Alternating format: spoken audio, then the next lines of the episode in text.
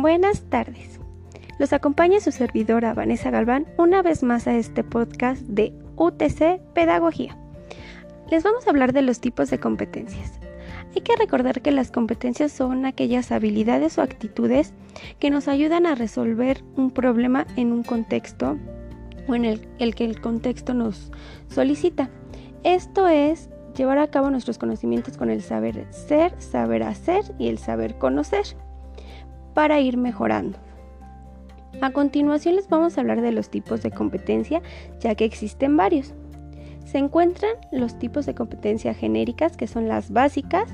Básicamente estas son para la vida, sirven para cualquier individuo, para integrarnos a una sociedad.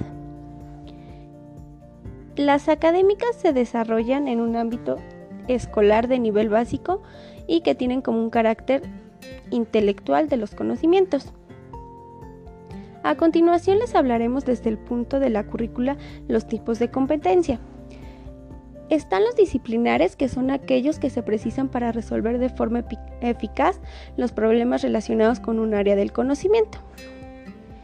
Los transversales, aquellas que se precisan para resolver problemas de forma eficaz en todos los ámbitos y situaciones de la vida en todas las áreas del conocimiento.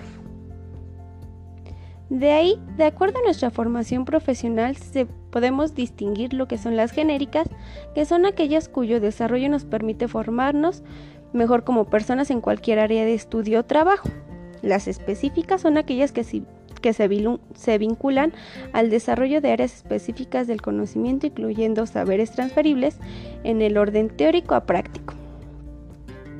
Y las profesionales se entienden como la capacidad de un sujeto para proponer en para poner en práctica lo aprendido y determinar situaciones profesionales, implicando conocimientos, habilidades, actitudes, valores, y es decir, la aplicación de los saberes de, un individuo, o en este caso de nosotros, para el logro de los resultados determinados en el área laboral. Hay que recordar que el proyecto Tuning, que nos habla sobre las competencias en Latinoamericana, viene de Europa. Este nos ayuda a tener una movilidad y que todos los que están integrados en este programa podamos estudiar algo, por ejemplo, aquí en México y al si nos llegáramos a mudar a Brasil, podamos tener el mismo campo laboral o la misma currícula y ya nada más enfocar nuestros conocimientos. Esto lo hacen para tener para tener una mejora y una unión entre países y no influya si el individuo solo tenga que vivir en un solo lugar y que también sus competencias crezcan en cuanto el lugar donde deseen vivir.